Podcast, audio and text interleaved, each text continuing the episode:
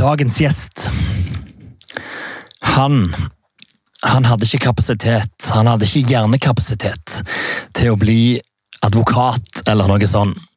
Her var det hockey som gjaldt. Her skulle det smis mens jernet var varmt.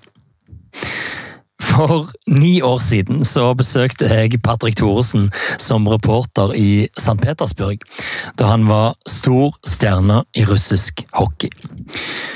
Og Denne kommentaren om hjernekapasitet er en ting jeg husker veldig godt og smilte litt av fra den turen.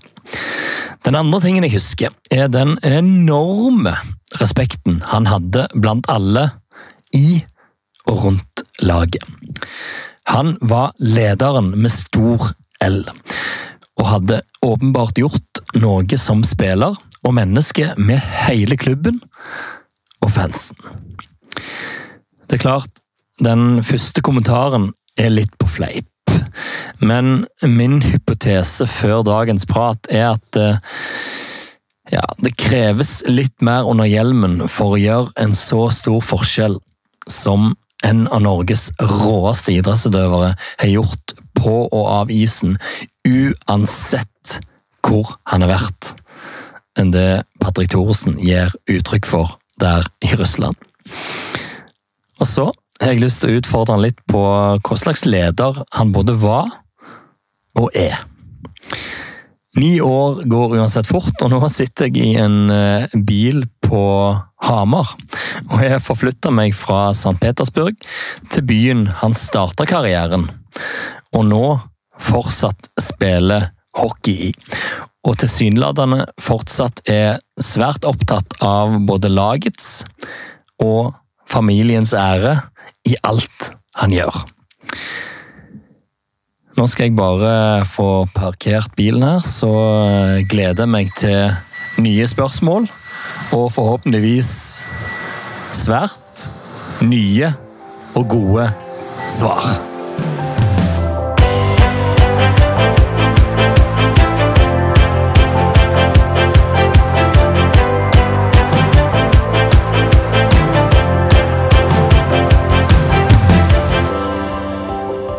Navn. Patrick Thoresen. Idrett. Ishockey. Moderklubb. Storhamar. Første konkurranseminne. Ja, det må være fra en forbundscup eh, U14 eller U15. Da tapte jeg en finale 1-1, og jeg var selvfølgelig veldig u... u jeg syntes det var veldig urettferdig å tape 1-1 i en finale når man begynte å bli såpass voksne at uh, de led, den ledelsen fra Ishockeyforbundet sto på tribunen, og da fikk de en stygg finger og et uh, fuck you av uh, unge Thoresen, som allerede da var uh, ganske villig til å gjøre det som krevdes for å vinne. Men tapte 1-1? Tapte finalen 1-1, og jeg var selvfølgelig ikke fornøyd med det. Jeg synes det var dumt. Det burde vært en straffeslagskonkurranse eller sudden death eller et eller annet. Så det, det, husker jeg veldig godt, og det var kanskje den første gang jeg liksom fikk en sånn der, uh, følelse av at uh, idrett kan være urettferdig, men, uh, og, og, det syns jeg den gangen. Jeg tror vi må litt mer inn på den uh, seinere, men største opplevelse på idrettsbanen? Nei, Det er todelt. Det er, det er, å vinne med klubblagene mine, altså som jeg har spilt for. Ska og Salavat Julajev, men det er også vært veldig stort for meg å kvalifisere oss til uh, OL med det norske ishockeylandslaget uh, på Jordal. Eh, NHL, første, første, kampen der også setter jeg veldig høyt, så det er flere ting som jeg, som jeg husker veldig godt, og som, som jeg setter veldig høyt. Velkommen til våre vinnere, Patrick Thoresen. Takk, takk. Ok, vi må, vi må, rett på dette første konkurranseminnet, Patrick Thoresen. Det tolererte du rett og slett ikke? Nei, for jeg syns det var såpass eh, urettferdig, og jeg tror ikke egentlig vi var klar over reglene før, eh, før turneringa starta. Og det er vel når du begynner å bli en 13-14 år, du begynner å konkurrere da, mot, i en sånn forbundscup i ishockey. og da når du da klarer å ta deg til en finale og du skårer første mål i kampen uh, Utgangspunktet for uh, siste perioden er veldig bra, og så ti minutter før slutt så slipper du inn. Og da er det 1-1, og man får Jeg tror man fikk en fem eller ti minutter i sudden death, og så var kampen over. Da hadde vi tapt, og det syns jeg var ekstremt rart. Man spiller jo til ett av lagene har vunnet, og Stjernen, da, som vi møtte den gang, dem, eh, dem vant jo etter regelverket, men eh, jeg var ikke så glad i akkurat den regelen der. Jeg syns det burde vært en straffeslagskonkurranse eller noe, så um, ja, jeg hadde en tendens for å bli veldig sur, og jeg tror jeg faktisk gråt litt òg. Så det var mye følelser i kroppen til en ung, ung Thoresen. For der allerede da altså er det et eller annet med mentaliteten din som sier at her burde det vært en vinner. Ja, og jeg tror nok kanskje at Ishockeyforbundet var litt eh, Den ville forsvare den personen det eventuelt gikk utover, som kanskje tapte kampen da, for laget sitt i en straffeslagskonkurranse. Eh, så det var det de på en måte prøvde å beskytte, men eh, ja, vi, idrett handler om å vinne og tape og kunne gjøre det på en god måte, da, uansett. Så, men her var det jo i prinsipp egentlig ingen vinner eller taper, men uh, det blei jo det allikevel. Vi, vi, dro hjem med sølv, og sølv, sølv er ikke noe gøy. Og Så står du der da og gir fuck you, som du sier, til forbundet. Fikk du noen reaksjoner? Nei. Eh, og det var vel ikke akkurat sånn at når jeg kom hjem og fortalte det her til faren min, at han var uenig i mine tanker heller. fordi han, eh, han eh, syntes det burde vært avgjort på en annen måte enn eh, en det blei. Så jeg fikk ikke akkurat noe avstengning for det i, i, senere. Når du sitter her nå som voksen, er mentaliteten den samme? Ja, men den er samme. Og jeg tenker jo litt sånn at når man er ung, så du vet ikke helt hvor du skal sortere tankene og sånne ting. Og jeg var vel en kanskje sånn drittunge som uh, gjorde mye for å vinne, og var nok veldig flink til å skylde på medspillere hvis det gikk dårlig og sånne ting. og det er men det lærer man veldig fort. Når man kommer opp i seniorhockeyen, uh, eller kommer opp på et uh, elitenivå, da, eldre juniorlag og sånn, jeg kom opp der som ung, så, så blir du satt på plass. Du kan ikke gå og skrike ja. Eh, jeg gidder ikke å si de stygge ordene engang, for jeg brukte så mye stygge ord på medspillere, og det lærte du veldig fort at når du holder på sånn, så blir du ikke akseptert i en garderobe. Eh, så jeg har nok samme mentalitet som jeg hadde som jeg var ung, men jeg lærte å bruke det på en mye smartere måte, og, det er vel klokskapen som, eh, som slår til da, når man blir eldre og man lærer mens man, mens man går. da. Patrick Thoresen, hvordan, eh, hvordan, går det med deg nå? Du eh, er fortsatt aktiv hockeyspiller. Du eh, spiller på, på Storhamar på øverste nivå i Norge. Er du i harmoni? Har du det bra? Ja, jeg syns fortsatt ishockey er jævla gøy. Jeg drives av å trene, jeg drives av å hjelpe andre. Jeg håper at jeg kan være en et forbilde for eh, mine lagkamerater og også andre. Eh, og så lenge jeg har den driven i meg eh, og kan gå foran som et godt eksempel i treningssammenheng og i kamper, og ha fortsatt den driven i meg og stille krav til andre, for da vet jeg at det stilles en del krav til deg sjøl også når du, når du, gjør det. Så lenge det er i, i, i takt, så, så kommer jeg til å holde på å spille. For du nevner, du er litt inne på det når jeg spør deg om største øyeblikk i karrieren. Det er så mange. Det er så mange store øyeblikk. Du har oppnådd så mye. Og du, for, for å si det rett ut, du har tjent så mye penger at du kunne, du kunne latt være nå. Du kunne lagt skøytene på hylla, men allikevel så fortsetter du. Hva, hva er drivkraften? Nei, så Drivkraften eh, ligger jo i litt av det jeg sa i stad òg. Det er jo på en måte å kunne hjelpe andre spillere. Eh, og i det dagligdagse eh, Vi har noen fine talenter i, i Storhamar som jeg syns er gøy og motiverende å gi råd og tips til. For du ser at det gløder i øya deres når du, når du prater til dem. De vet at de har mye å lære. De har de har knapt vært utafor Stangebrua her på Hamar, og de vet lite de vet om veldig lite der ute i verden, som jeg har vært heldig å få oppleve. Eh, og det er kanskje den største drivkraften. Samtidig så, så sitter jeg med et ønske om å være med og oppleve å vinne noe igjen. Eh, og det er den derre Hvis du kan vinne noe igjen, den er Jeg tror det er vanskelig å finne den, den gleden utafor idretten, da. Så jeg tror det blir vanskelig gi slipp på den. Så det er der drivkraften og motivasjonen min ligger, i å hjelpe andre og ha muligheten til å være med å vinne igjen. Du, hva er det som er så fantastisk med å vinne? Nei, altså Nå vet jeg ikke åssen det er å være individualist da, i, eh, i, innen idrett, men det å jobbe i et lag da, Du vet at uh, det kreves så mye fra, uh, fra alle gjennom ni måneder. Og ha et mål langt der framme og jobbe kontinuerlig mot et mål. Og når du da kom, nærmer deg dette målet i, i måned ni, da, og ting begynner å klaffe, du sitter med en følelse av at du kan ikke tape, for du, du vet at alle har gjort alt. Og når du da løfter en pokal da, det er bare en sånn helt magisk følelse. Og da feirer man, og så tar man nye tak, og så, så er man på'n igjen. Og det, det er Dem som har vunnet, dem vet hva man prater om. Du har hatt en lang karriere. Men den starta på Hamar. Ja. Og du var den yngste A-lagsspilleren som skårte mål i Storhamar som 15-åring. Mm. Men hvordan havna du der som 15-åring?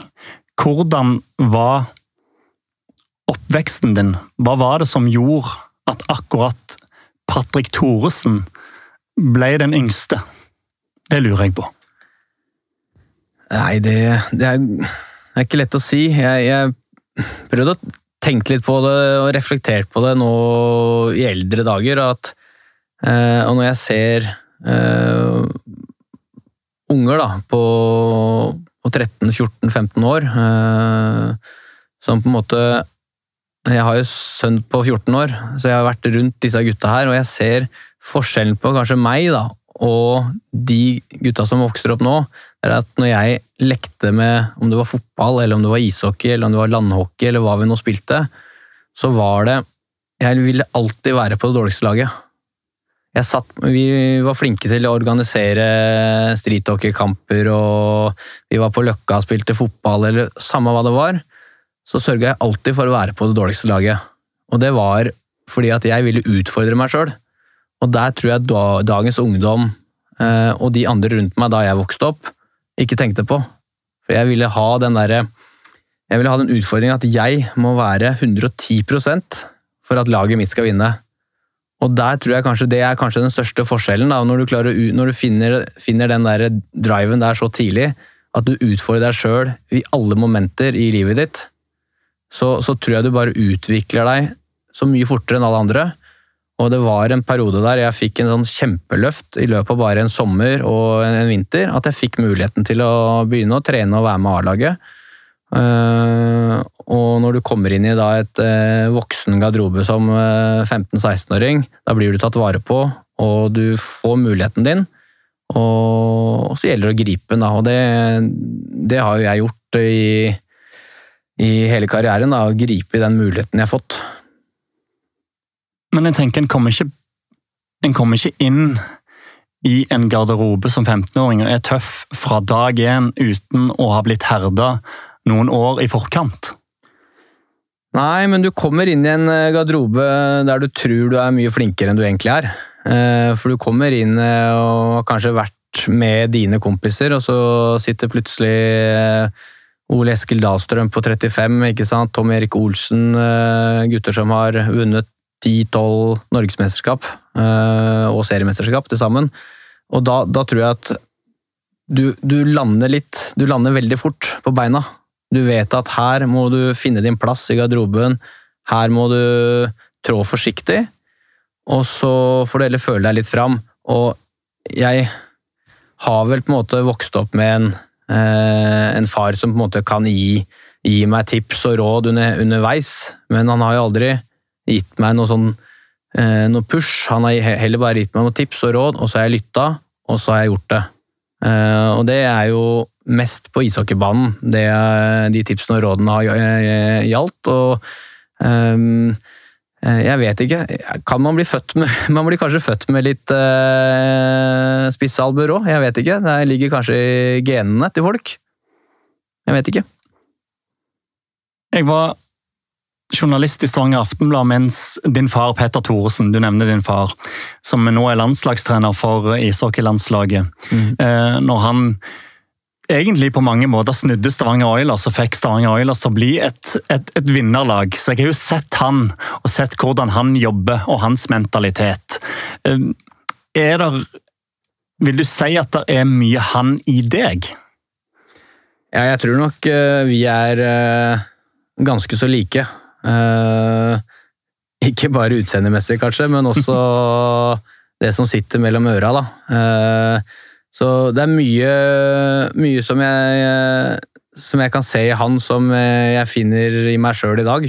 Eh, og så, så, er det kanskje lettere for de som står på utsiden da, og ser inn på begge to. Og, fordi jeg er min person, og han er hans person, og så er det lettere for kanskje andre å eh, dra likheter da, mellom oss. Eh, men jeg er jo klar over at vi har mange egenskaper som er ganske så like. Så var det sikkert mange som så på um, Familiens ære på NRK, og som vil si at eh, selvfølgelig vant dere det. Eller var det tilfeldig? Ja, altså jeg, jeg tror nok kanskje Oddbjørn Hjelmeset og, og, Lars uh, Hjelmeset uh, var største, de største favorittene. Forutsetningen for at dem skulle gjøre det så bra, var jo litt større enn kanskje vår, siden eh, Ja, nå kaster jeg jo han gamle gamlefar litt under bussen, men han var jo ikke akkurat eh, i toppform. Men vi har jo vi har jo konkurrert og spilt noen sjuende finaler, da, og vi visste jo at dette her var, det er én konkurranse vi skal slå dem i, og det er alt vi trenger for å, for å vinne. og det det var veldig moro å konkurrere med, med fatter'n. Vi hadde en uke der vi hadde det jævla gøy sammen. Eh, og møtte mange fine folk på, på sett og de andre, andre eh, utøverne som var med. Da. Så det var en, en morsom opplevelse. Men igjen, da, en kan, jo, en kan jo banalisere en sånn greie, men, men, det handler jo samtidig om å maksimere forutsetninger. Ja, han øh, øh, Fattern han hadde jo nesten Han gikk jo halta i to måneder etterpå, for han øh, Vi fikk jo klemt ut det, det meste av han. og, og så det gjelder liksom å Når du først skal være med på noe, så handler det om å vinne. Det er jo ikke noe gøy å være med på noe hvis du ikke går inn for å vinne. Og det er vel litt sånn vi er begge to, at når vi først er her, så kan vi like gjerne gjøre alt for å vinne. Og det det handler om å være gjennomført i alt du driver med. Eh, du går ikke inn i noe 80% du går alltid inn i noe 110 og det, det er oss som personer og, og, som mennesker. Så vil jeg tilbake til når du kom inn i Storhamar-garderoben som, som 15-åring. For der er det mange som ville kommet inn i garderoben, sett ned på sokkene sine, vært litt eh, beskjeden vært usikker på hvordan de skulle te seg. Men alle jeg har prata med som var i den garderoben, bl.a. Ole Eskil Dahlstrøm, som du nevner, sa at her var det en gutt som tok for seg. Som hadde bestemt seg for at han skulle bli god fra første trening. Mm. Og det må komme fra et sted. Ja, ja altså jeg, jeg, jeg, tror, sånn som, sånn som, faren min sa til meg, altså når, du, når, du, går inn øh, går inn i en sånn du er 15 år, og så kommer du inn i en A-lagsgarderobe med voksne mennesker. Altså, når du er inne i garderobe, så må du være ydmyk. Det handler om å liksom, vise respekt for de som er eldre enn seg. Eh, de har levd 20 eh, år eh, lenger enn deg. Du, du, er der og da, så er du en spiller. Du, er, du, har ikke opplevd noe, du har ingenting å slå i bordet med. Så der må du være ydmyk. Men når du kommer ut på isen, så er alle likesinna. Der trenger du ikke å vise respekt for noen. Og det, mitt mål med den første sesongen min på A-laget var jo å få Ole Eskil sinna, Tom Erik sinna, Petter Salsten sinna, Karl Oskar Bue Andersen sinna.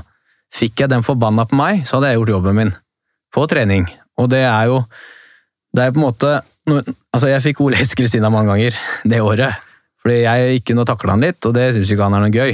Og jeg syns ikke det er noe gøy å bli takla i dag av uh, Bakke Olsen eller noen av de andre unggutta mine, eller unggutta mine, unggutta på laget mitt. Eh, og, det, og det på en måte jeg tror det på en måte herder deg litt, fordi du blir jo på en måte Du blir hata og elska litt samtidig. Fordi de ser jo at dette her er en gutt som kommer til å gjøre alt han kan for å skape et navn for seg sjøl. Samtidig så syns man ikke at det er noe behagelig at det kommer inn en som er sinna på trening hver eneste dag. For dem Det er ikke noe gøy å ha en, en litt sånn halvtjukk uh, gittergutt etter deg hver eneste trening. Så, så, så, jeg var nok veldig motivert til å på en måte gå på mange smeller eh, i treningssammenheng òg. Eh, husker vi var ute og sykla en gang, i en sånn ganske tøff sykkelrunde her på Hamar vest. Og jeg ville først opp den bakken. Jeg visste at jeg egentlig ikke hadde det i meg, men først opp den bakken skulle jeg. Og jeg gikk jo på smeller på smeller på smeller, for at jeg, jeg klarte ikke å sykle mer. Og jeg tror at de der smellene man går på med å utfordre seg sjøl, det er det veldig få som gjør. Men jeg ga meg liksom ikke. Og jeg syns det var deilig å utfordre seg sjøl, med blodsmak i munnen og hele den biten der. Så jeg tror nok det er litt det Ole, Ole Eskil og de eh, veteranene så da i meg, som hadde da vært med i 20 år og sett at dette er det som kreves for å ta det neste steget ut av Norge. For da satte du deg i respekt? Ja, jeg tror jeg gjorde det. Uh, I hvert fall på isen. Uh, og det er det viktigste. sett deg respekt på isen, og så kan du være ydmyk og ta den mindre rollen i garderoben, fordi du er ikke Du har ikke, du har ikke mandat til å være den typen i garderoben enda, men det, jo, det kommer jo seinere i karrieren. Du satte ikke respekt på isen, du leverte på isen, du skårte disse mm, historiske målene som ung gutt. Og du kunne da blitt ung stjerne i den norske ligaen. Men så kommer det da et valg som jeg tenker forteller kanskje enda mer om den mentaliteten til denne unge gutten. Du bestemmer deg for å reise til Canada og ta tak på en karriere i den canadiske juniorligaen. Mm. Hvorfor gjør du det på det tidspunktet? Det som er litt morsomt i ettertid å tenke på, er at eh, når jeg da er 17 år og har gjort en eh, knallsesong i, i Eliteserien, så har jeg det valget om å dra til Canada, juniorligaen i Canada, da har jeg tatt to år tidligere. Så jeg bestemte ah. meg to år tidligere, fordi moren min ville at jeg skulle fullføre en viss skole her i Norge før jeg dro. Eh, og da spurte jeg henne ja, men da, da, må jeg ha en skole der jeg kan fortest mulig bli ferdig. Så da havna jeg på jeg var bare to år, da. Eh, jeg kunne gå på skolen eh, på videregående. Så da jeg skulle opp til videregående, da bestemte jeg meg for at om to år da drar jeg til juniorligaen i Canada. Så jeg hadde forberedt meg mentalt jeg i to år før jeg dro til juniorligaen. Eh, så for meg så var det ikke noe det var ikke noe rart å dra. Fordi jeg, vært, jeg var klar på det to, to år i forveien. Så det er jo på en måte de målene jeg har satt meg hele tida, som gjenspeiler seg litt i eh, veien jeg har gått òg, er at jeg hele tiden har vært veldig målbevisst. Jeg har satt måla tidlig, og så har jeg fulgt dem. Og så har jeg stått ved dem også. Så, så da tror jeg også det er lettere å reise når du på en måte er så eh, målbevisst da, tidlig. At eh, når du først gjør, gjør det, så, så, gjør du det ordentlig. Du tenker ikke på savn, og du tenker ikke på at selv om det var vondt å reise da, fra kjæreste og venner og familie og alt det der, så, så var jeg klar i hodet for å stå i det. Jeg skjønner at Canada er hockeyens høyborg og hockeyens mekka, og veien til NHL kan være kortere og alt det der, men hva er det som får da Altså, Da er det jo da en 14-åring som bestemte seg for dette. Hva er det som får en 14-åring til å bestemme seg for at eh, jeg skal forlate hus og hjem og venner og kjærester og det trygge, og reise til Canada? Nei, jeg, jeg, har fått, jeg, har jo hatt en uh, god mentor i faren min. Han har jo på en måte sett litt av verden. Uh, har møtt og spilt uh, med og mot mange spillere. så på veien så har han sett at dette er en mulighet du kan ta. Uh, han har på en måte gitt meg informasjon. altså Du kan dra på college, du kan, dette kan du gjøre. Og kan ha juniorligaen i Canada, det er ikke så mye skole. og uh, Jeg var kanskje ikke den som uh, fikk de beste karakterene på skolen, så college for meg var litt utelukkende. Men juniorligaen i Canada var noe som frista allerede da. Eh, og da bestemte vi oss egentlig litt sånn sammen som, eh, som en familie at eh, ok, du gjør de, disse to åra her på skolen i Norge, eh, prøver å få deg en plass i A-laget, og så kan du dra. Og da Jeg tror at med god veiledning da, og med, med en, en familie som på en måte har bana litt vei for deg, da vet hva som finnes der ute, Det har hjulpet meg til å kunne ta valg veldig tidlig. Eh, og det er klart at eh, det er jo ikke alle som er like heldige som, som det jeg har vært, og har hatt en far som har vært såpass høyt profilert da, i hockeyen og sett verden litt. Eh, så hvis man har en eh, sønn eller en eh, datter som liksom har lyst til å ta sånne valg tidlig, eh, så må man jo oppsøke råd hos noen som har vært ute og ser åssen og vet hvordan verden funker litt. Da. Eh, og det må man gjøre litt på eget initiativ, så der har jeg vært heldig. Hva gjorde årene i Canada med deg? Jeg gjorde meg tøff mentalt. Eh, det er klart at jeg fikk jo noen, eh, jeg fikk jo noen smeller, jeg òg. Draften gikk jo ikke som den skulle. Jeg ville jo over til USA for, eller Canada for å bli drafta, og det det gikk jo til, til helvete, rett og slett. Jeg ble ikke drafta i det hele tatt, så det var jo tøft. Men da er det jo sånn at du skrur på en bryter ikke sant? når du kommer hjem at ja, da skal du faen meg vise dem at, uh, det her, uh, at dem har tatt feil. Uh, og så ble jeg jo pappa under den perioden også. Jeg var borte i juniorligaen, og det setter jo ting litt på spissen når du skal bli pappa som 19-åring. at det blir noen utfordringer der også. Så, men alt dette, jeg tror alle de derre Eh, opplevelsene jeg har hatt der, da, om det er å ikke bli drafta eller bli pappa veldig tidlig og setter ting litt i perspektiv, har gjort meg mye sterkere. Da, og, og, har gjort at jeg har gjort smarte valg uh, under karrieren min. Da. For det å ikke bli drafta, det betyr at du, du da ikke kommer deg inn i en NHL-klubb? Ja, ikke med en gang i hvert fall. Ja. På det tidspunktet. Mm. Og samtidig da så får du da et barn hjemme i Norge. Mm. Og hva gjør du da?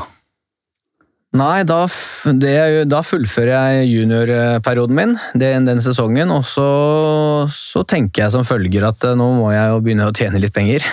Eh, så da reiser vi som familie til, eh, til et litt sånn bortgjemt sted nede i Sør-Sverige, et sted som heter Mørrum. Så, og det var jo klart at det å dra dit kontra liksom, Her sto jo Storhamar med åpne armer og liksom kom hjem og kan spille for oss. Og, og det var aldri en alternativ for meg. Jeg skulle, jeg skulle, være ute, jeg skulle lykkes. Og jeg visste jeg hadde det i meg. Eh, så da var det å pakke alt vi hadde, barnestoler og hele sulamitten, og flytte til Sør-Sverige og spille et år i Allsvenskan der. Fy søren, og da er, du, da er du 19 år. Ja. Da er jeg 19. Det, var, det er jo Du ser jo liksom ikke for deg å få barn så tidlig, når du egentlig ser for deg at nå skal jeg være proff i 15 år. Og så får barna og så, sånt komme etter hvert. Men så, så kom jo datteren min Mathilde, og det, det satt ting litt i perspektiv. Og da, da gjaldt det å brødfø henne, da. Og måte skape en familie mens du skulle bli eh, ishockeyproff. Og Samtidig skal du da håndtere en, en sportslig skuffelse ved, som du da Som du sier, du skal vise at eh, de tok feil gjennom å prestere på hockeybanen i Sverige. Og hvordan, hvordan gikk den neste perioden? Nei, den gikk eh, veldig bra. Altså, den jeg, jeg blir jo motivert av at folk avviser meg. Ikke sant? Og det gir meg bare sånn derre uh, Det går sånn fanivoldsk i meg, og jeg vet at når, når jeg da har blitt uh, si ditcha da, fra NHL, og ting har gått uh, gærent der, så vet jeg at det gir meg en sånn uh, fanivoldsk, uh, og jeg skal vise dem, og det, det trigger meg på en måte som, som andre kanskje hadde lagt seg ned litt og syntes synd på seg sjøl så, så, blir jeg kanskje bare enda bedre og enda flinkere til å trene. Mye mer disiplinert i alt jeg gjør. Uh, og så derifra så var veien ganske kort inn til eh, SHL, da, som det nå heter i dag. Eh, gamle Eliteserien i Sverige uh, og toppligaen der. Så når jeg først fikk et bein innafor der, så, så, så jeg meg aldri bakover. Da var det bare én vei fram til, til NHL, da, som, som jeg oppnådde da noen år etter det igjen. Ja, for du blir jo NHL-spiller. Du ender jo opp i Edmonton Oilers og Philadelphia Flyers og oppnår drømmen din om NHL. Mm. Og det som er greia her, sånn jeg ser det, det er at ni av ti spillere som ikke blir drafta, og som blir pappa i en alder av 19 år på det tidspunktet, mm. ville dratt hjem igjen til Hamar på det tidspunktet ja. og tenkt at nå må jeg velge det trygge. Nå ble det sånn. Mm. Men det gjorde ikke Patrick Thoresen. Nei, og det jeg kunne ikke gjort dette her hvis jeg ikke hadde hatt en eh, kone da, som hadde vært beintøft og tøff og skjønte at eh, her må hun sette livet sitt på vent eh, for å være med meg, så jeg fikk mulighet til å være rundt barna mine òg. Og det, det, er jo evig takknemlig over eh, overfor henne. At eh, det har vært hennes, hennes, livsverk har jo vært å på en måte følge meg. Og det er jo, det er jo klart at uh, det hadde vært helt umulig hvis hun hadde satt seg på bakbeina Uh, da hadde kanskje blitt veien hjem blitt enda kortere, men så lenge hun var så åpen om å bare nå peiser vi på, du, uh, du, skal, du, skal, du skal, nå de måla du setter deg, så, så, så, tror jeg det var litt enklere. For jeg kunne slappe helt av, ha fokus på ishockey, og når jeg ikke var i ishallen og trente eller spilte kamp, så, så prøvde jeg å være den så god pappa som overhodet mulig, da. Så det, det, er nok litt som du sier, de fleste hadde nok reist hjem, men uh, som et lag på hjemmebane så, så, klarte vi å holde oss ute til uh, ja, i mange år. Det forteller noe om laget på hjemmebane, så forteller det noe om en konkurransementalitet. Mm. Og en vinnermentalitet hos deg, tenker jeg. Ja, altså det, det er jo litt sånn, altså Jeg tror, jeg tror eh, man, hadde, man hadde satt seg noen, noen mål, og jeg uh, jeg vet jeg sa til kona mi eh, første gang vi, eller noen av de første månedene vi drev og data, at skal du være sammen med meg, så må du være villig til å ofre liv, livet ditt. og Sette livet ditt på vent. Og det, den, det satsa nok litt hos henne. Jeg tror hun var litt usikker på hva det innebar. Men uh, hun har jo forstått i ettertid hva det innebar, og hun har jo hun har jo likt eh, det livet, men eh, det kom en tid for å flytte hjem, og nå trives vi veldig godt på Hamar. Men når du da lykkes da med å skåre, når du da f.eks. skårer ditt første mål i NHL, blir de opplevelsene, de oppturene, blir de da enda sterkere? Når reisen har vært som du nå beskriver? Sånn i ettertid så så syns man jo det er stort. Eh, når man lever i det, så tenker man ikke på det. Og det er jo veldig synd, da. Det er det man prøver å si til, til medspillere nå som er 18, 19, 20, 21 år. Altså, Lev i nuet. Nyt det. Hvis du er med og vinner et NM-gull, da, for eksempel. Nyt det. Reflekter over det nå og da. Ikke bare vent i 15 år til du er ferdig med å spille ishockey. Du må, leve, du må liksom nyte det. Og det har jeg lært meg nå i eh, en eldre alder. Første gang jeg vant i, i, i Russland, så så, så nøyt jeg det ikke på samme måte. Andre gangen jeg vant, så klarte jeg å eh, reflektere over det og forstå liksom hvor dette var stort, dette var kult, og dette her skal jeg nyte. For dette kan jeg være stolt av. Og det, er, det forstår du veldig ofte, så forstår du det litt seint i livet, da. Så det er vel kanskje det som er eh, den drivkraften vi snakka om i stad. Å kunne være med å oppleve det igjen i en ordentlig voksen alder, da, og være med å vinne. Om det er eh, NM-gull, så setter jeg det like stort som et eh, KL-mesterskap. Selv om man på en måte kan rangere det litt sånn at KL er en mye bedre ishockeyliga, så vil det bety like mye for meg å vinne NM-gull òg. Og da vet jeg at jeg kunne nyte det på en helt annen måte enn jeg hadde eh, kunne nyte det hvis jeg hadde vært 18-19 eh, år. Du nevner KHL, du nevner Russland. Vi skal snakke litt om det.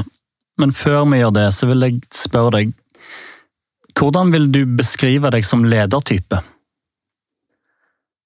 Uh, jeg tror jeg eh, ville starta med å beskrive meg som ganske krevende. Uh, at det i perioder kan være sikkert ganske slitsomt, og, slitsomt å være på laget med. Uh, samtidig så er jeg veldig rettferdig. det du får høre, er ofte berettig, da. Men jeg vet også når jeg går over streken. Eh, Jeg kan lett eh, gå til en spiller jeg kanskje har vært litt hard mot, eh, og vært litt for direkte mot eh, i ettertid. Eh, Og det kan være fem minutter etter, etter, et, etter et utbrudd, eller det kan være en time etter, etter matchen, og be om unnskyldning. For jeg eh, blir jo veldig intens i kanskje kampens hete, da. Eh, Men krevende og litt slitsom. Samtidig en spiller som setter laget foran meg sjøl, da. Merker du sjøl når du blir for intens? Ja. Jeg vet Altså i nuet, når du er det? Ja, eller det, det kommer til meg veldig fort. Jeg vet veldig fort øh, Jeg hadde en insidens med en øh, lagkamerat, Jimmy Andersson, for øh, to år siden. Da jeg bare skriker ut ute på isen der med 1500-2000 mennesker i Sparta ishall. Og så tenkte jeg, så kom jeg i garderoben så bare Hva er det jeg holder på med? Driter jeg ut lagkameraten min sånn? Med å skrike høyt så hele hallen hører det? Det er ikke ok for meg. Så det første jeg gjør i den periodepausen, det er at jeg går inn i garderoben. Det er to forskjellige garderober. Når vi skal ha, sette oss ned og ha lagmøte da, før treneren skal ta ordet, så foran hele laget da, så ber jeg om unnskyldning til Jimmy. Og det er sånn derre Det tror jeg medspillere setter pris på, og ikke minst han. Og så driter jeg egentlig hva de 1500 har hørt. Det viktigste for meg er at mine lagkamerater ser at jeg har gått for langt, og at jeg ber om unnskyldning til den det gjelder, foran hele laget. Jeg tror sånt er viktig, da. Fordi at følelsene er ikke alltid lett å styre. Men eh, det å på en måte be om unnskyldning, det er veldig viktig når du har gått for langt. Den empatien du beskriver der, har du alltid hatt den? Nei, det har jeg nok ikke hatt. Den har nok kommet med åra. Eh, eh, men eh, ja, den, den har nok ikke alltid vært der, nei. Hvordan stemning blir det i garderoben når det skjer? Nei, jeg tror alle Det blir liksom Hva skal jeg si for noe? Da blir det bare Ok, da glemmer vi det. Nå går vi videre. Nå har han gjort opp for seg, og så det er ikke sikkert alle tenkte på det, men jeg vet jo at han det går utover, han vil jo da føle seg så tråkka på, og så har han ikke lyst til å starte noe, så kanskje han ikke svarer ikke sant? i en sånn setting, så han bare lar det gå, men han vil jo bli tråkka på og føle seg mindreverdig. Og derfor er det viktig for meg å øh, stå opp og si at her er jeg driter meg ut foran hele laget, for det er jo vi som skal til slutt forhåpentligvis øh, vinne en eh, NM-pokal sammen. Og da kan det ikke være en som flyr rundt og trykker ned medspillere. Så i en sånn situasjon så jeg, legger jeg meg helt flat med en gang, og, og det, da tror jeg alle gutta får en eh, får en sånn respekt av, for deg at du Ja, men ok, han kan miste det, men går han for langt, så, så tar han det på sine skuldre og ber om unnskyldning. Jeg tror det er viktig. Føler du på et ekstra ansvar på grunn av at du er den du er? Eh, nei, egentlig ikke. Altså, jo, for, min, for min del så, så må jeg være intens, jeg må være krevende, jeg må være en sånn type person og spiller skal jeg kunne klare å komme opp på mitt nivå. Da. For det handler om eh, til syvende og sist at jeg må selv tenke på meg sjøl, og har jeg en dårlig dag på jobb, så kan ikke jeg fly rundt og skrike på alle andre, da må jeg gå i meg sjøl. Og så må jeg tenke ok, hva kan jeg gjøre nå for å eh, hjelpe laget, for jeg har en dårlig dag. Uh, Så ofte de de kampene på en måte er eh, som man er mest intens, så er man jo på en måte eh, Så spiller man jo bra òg. Eh, og hvis man har en dårlig dag, så har du mer enn nok med, deg sjøl. Så Men jeg vet egentlig ikke helt hva Det hadde vært morsomt å høre hva anonymt hva gutta sjøl hadde tenkt. At, men at de hadde nevnt krevende og intens, det tror jeg nok. For hva tror du de tenker?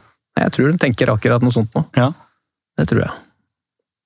Men det er greit, altså. Det, jeg er jo klar over det sjøl, så det er ikke noe eh, Og det blir jo litt annerledes her i Norge da, og Storhamar. Du får en litt annen lagfølelse og eh, du får en annen sånn empati for medspillere hvis du går for langt. Jeg har jo hatt krangling med Store krangler med med store superstjerner i ska og sånt. Og da blir det ofte at uh, man sier fra, og så får man liksom FU tilbake, og så, ja, så, står man og skriker FU til hverandre, ikke sant? og ingen uh, backer ned.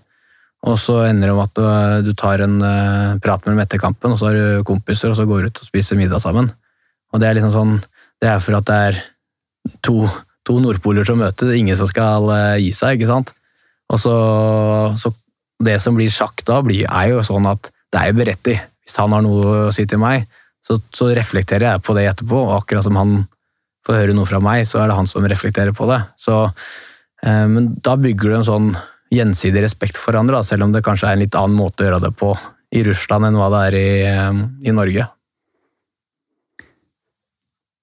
For i 2012 Da var jeg som reporter og besøkte deg i St. Petersburg når du spilte i, i SKA.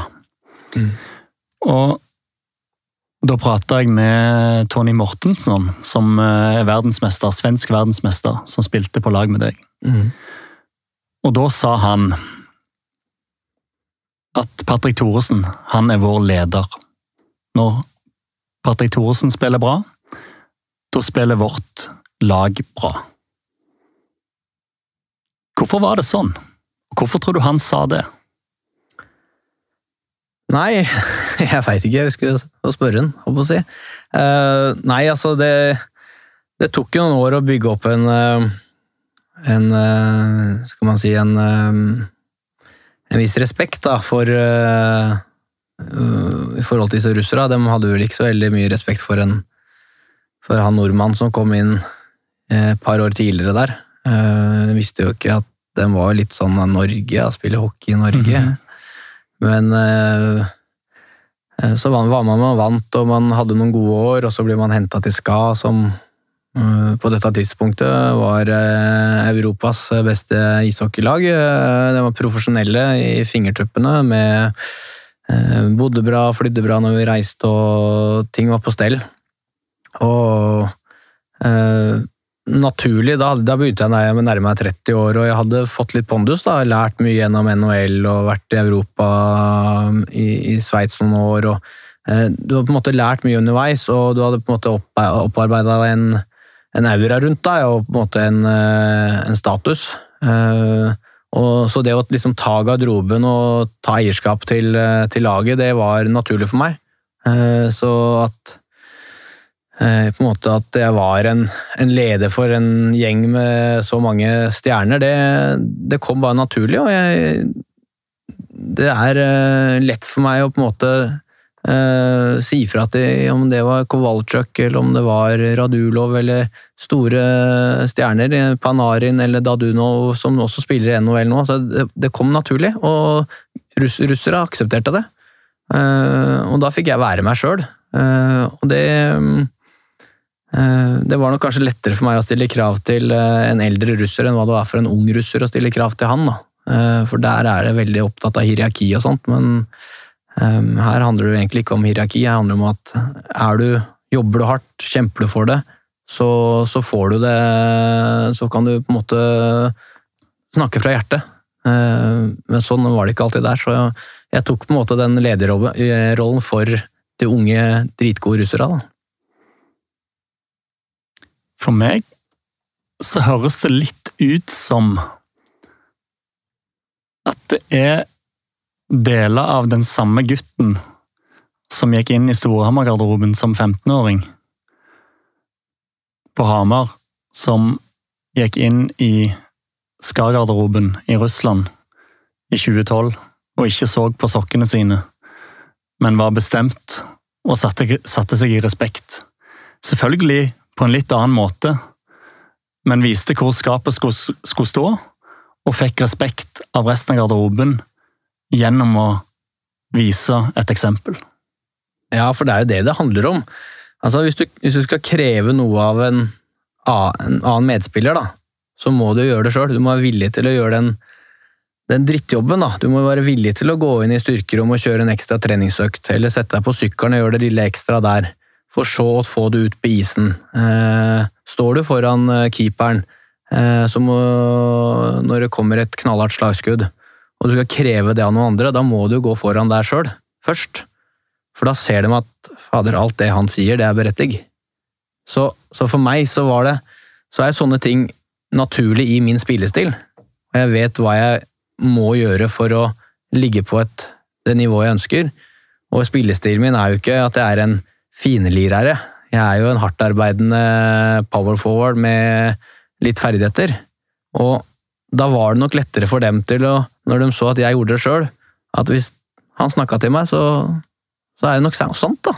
Ikke sant? Så det er som du sier, jeg det, Du kommer inn i en ny garderobe, du observerer, du ser litt hva, du, hva som gjelder her, hvem som på en måte er lederen i laget og sånne ting. Og så begynner du å ta litt og litt plass, og så finner du deg sjøl, og så, så, så, blir du den, den, lederen automatisk, da, hvis du er en sånn type. Uh, og det, det, er noe jeg trives med, da. Å være han som går i bresjen da, og vise vei.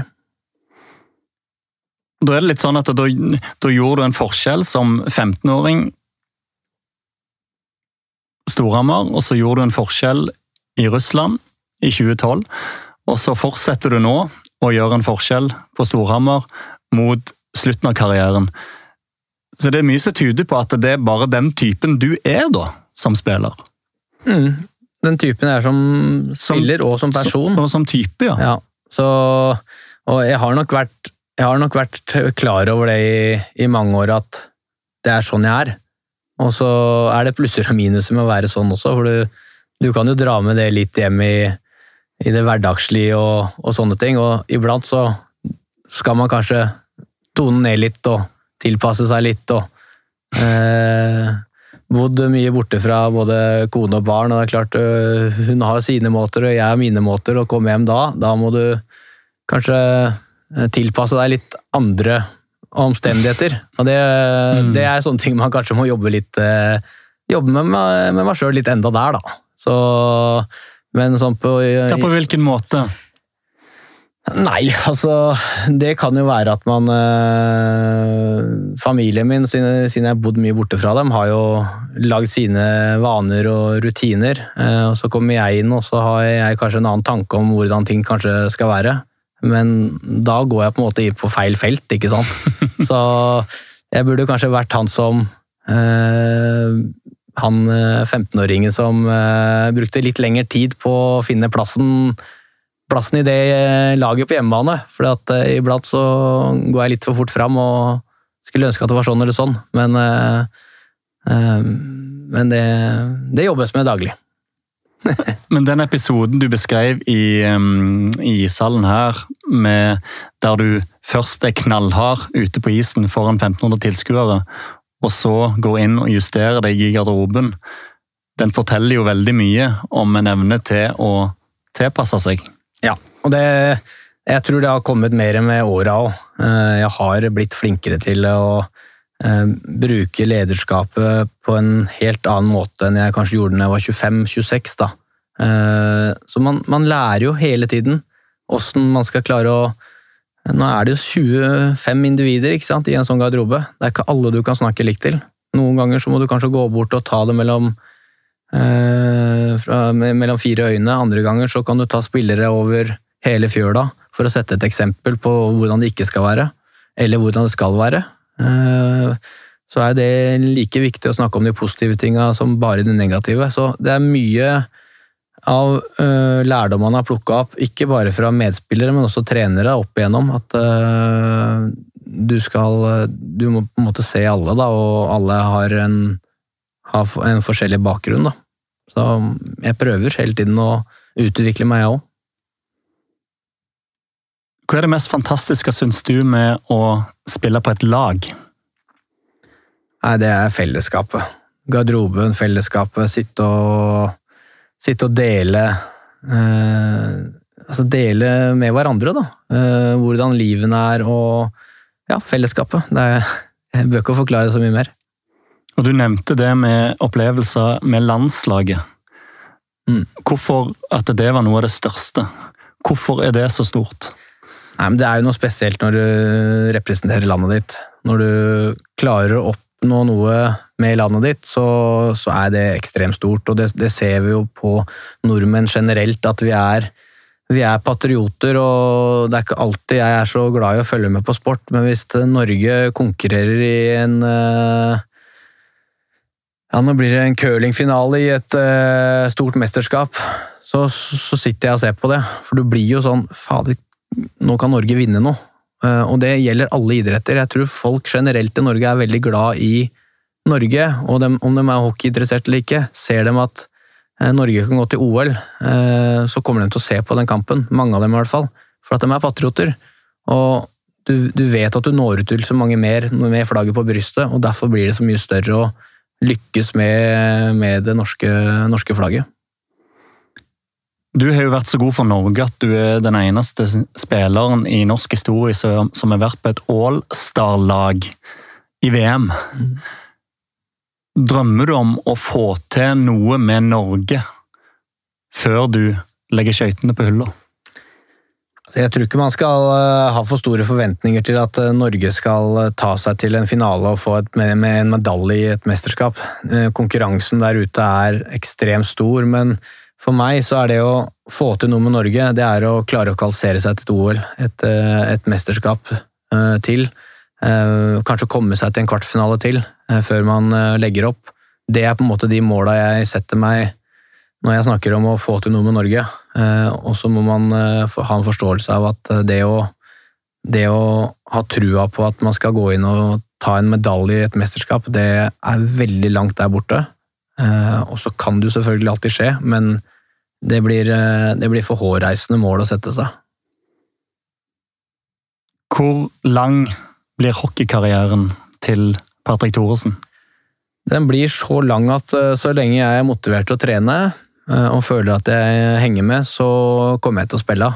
Eh, om det er ett år til, som jeg har kontrakt nå, eller om det blir fire år til, det vet jeg ikke. Men jeg syns fortsatt det er motiverende å trene, motiverende å jobbe med, jobbe med Storhamar. Og, og motivert til å prestere mer for det norske landslaget. I Russland i 2012, eh, Patrick, så sa du til meg at du ikke hadde hjernekapasitet til å ha en normal jobb. Så du måtte spille hockey, sånn at du måtte smi mens jernet er varmt for å legge deg opp kroner. Hva mente du egentlig med det? Jeg tror det var et uh tror du snakka om, om hjernekapasitet til å være en advokat eller, eller noe sånt, nå tror jeg det var vi snakka om da.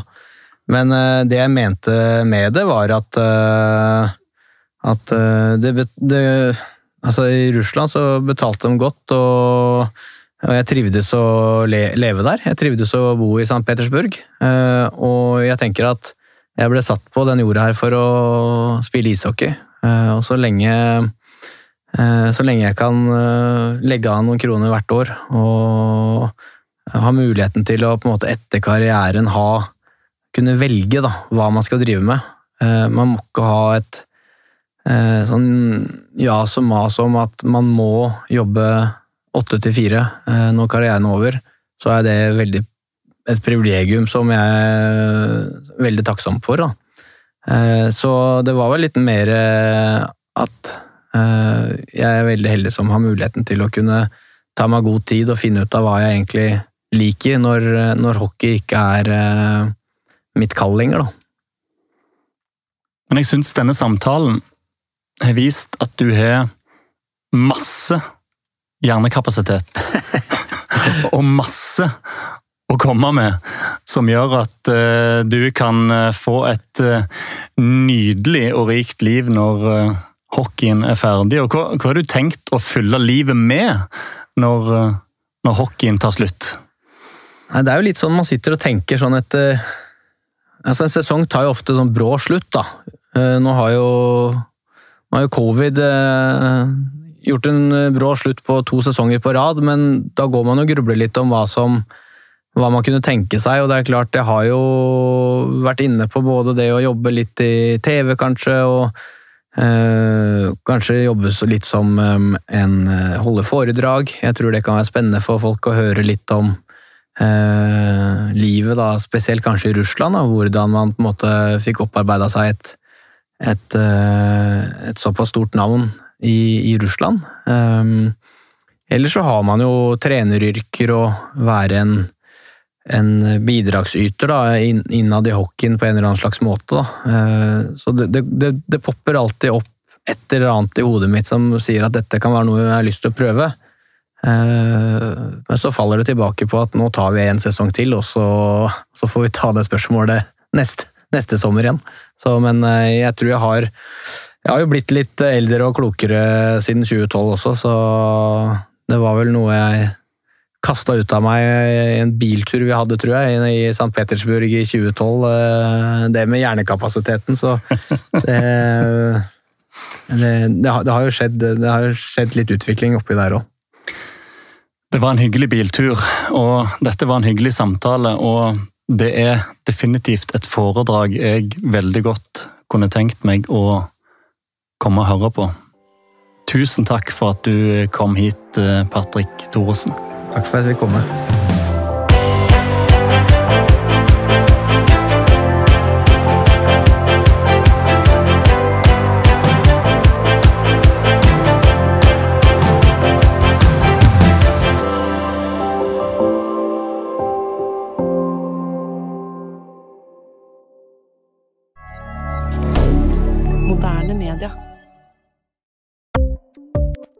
Ukens annonsør er Folio, en smartere banktjeneste for deg som har en egen bedrift eller ønsker å starte for deg selv. Folio er en superenkel nettbank for bedrifter. Som kunde i Folio får du en bedriftskonto med et bedriftskort og app. I denne appen er det smarte løsninger som forenkler regnskapet ditt, uansett om du har en liten bedrift eller et enkeltpersonsforetak. Folio er både intuitivt og brukervennlig, og er laget med et enkelt språk. I tillegg tilbyr de forutsigbare priser og ingen skjulte gebyrer. Skulle du likevel trenge det, så kan du snakke med deres raske og hyggelige kundeservice, og der får du prate med en faktisk person og ikke en chatbot. Folio er med andre ord både enklere og koseligere enn banken. Over 10 000 bedrifter har allerede valgt Folio som sin banktjeneste, så besøk folio.no og se hvordan Folio kan forenkle din hverdag også. Har du et enkeltpersonforetak eller en liten bedrift? Da er du sikkert lei av å høre meg snakke om hvor enkelt det er med kvitteringer og bilag i fiken, så vi eh, gir oss her, vi. Fordi vi liker enkelt. Fiken superenkelt regnskap.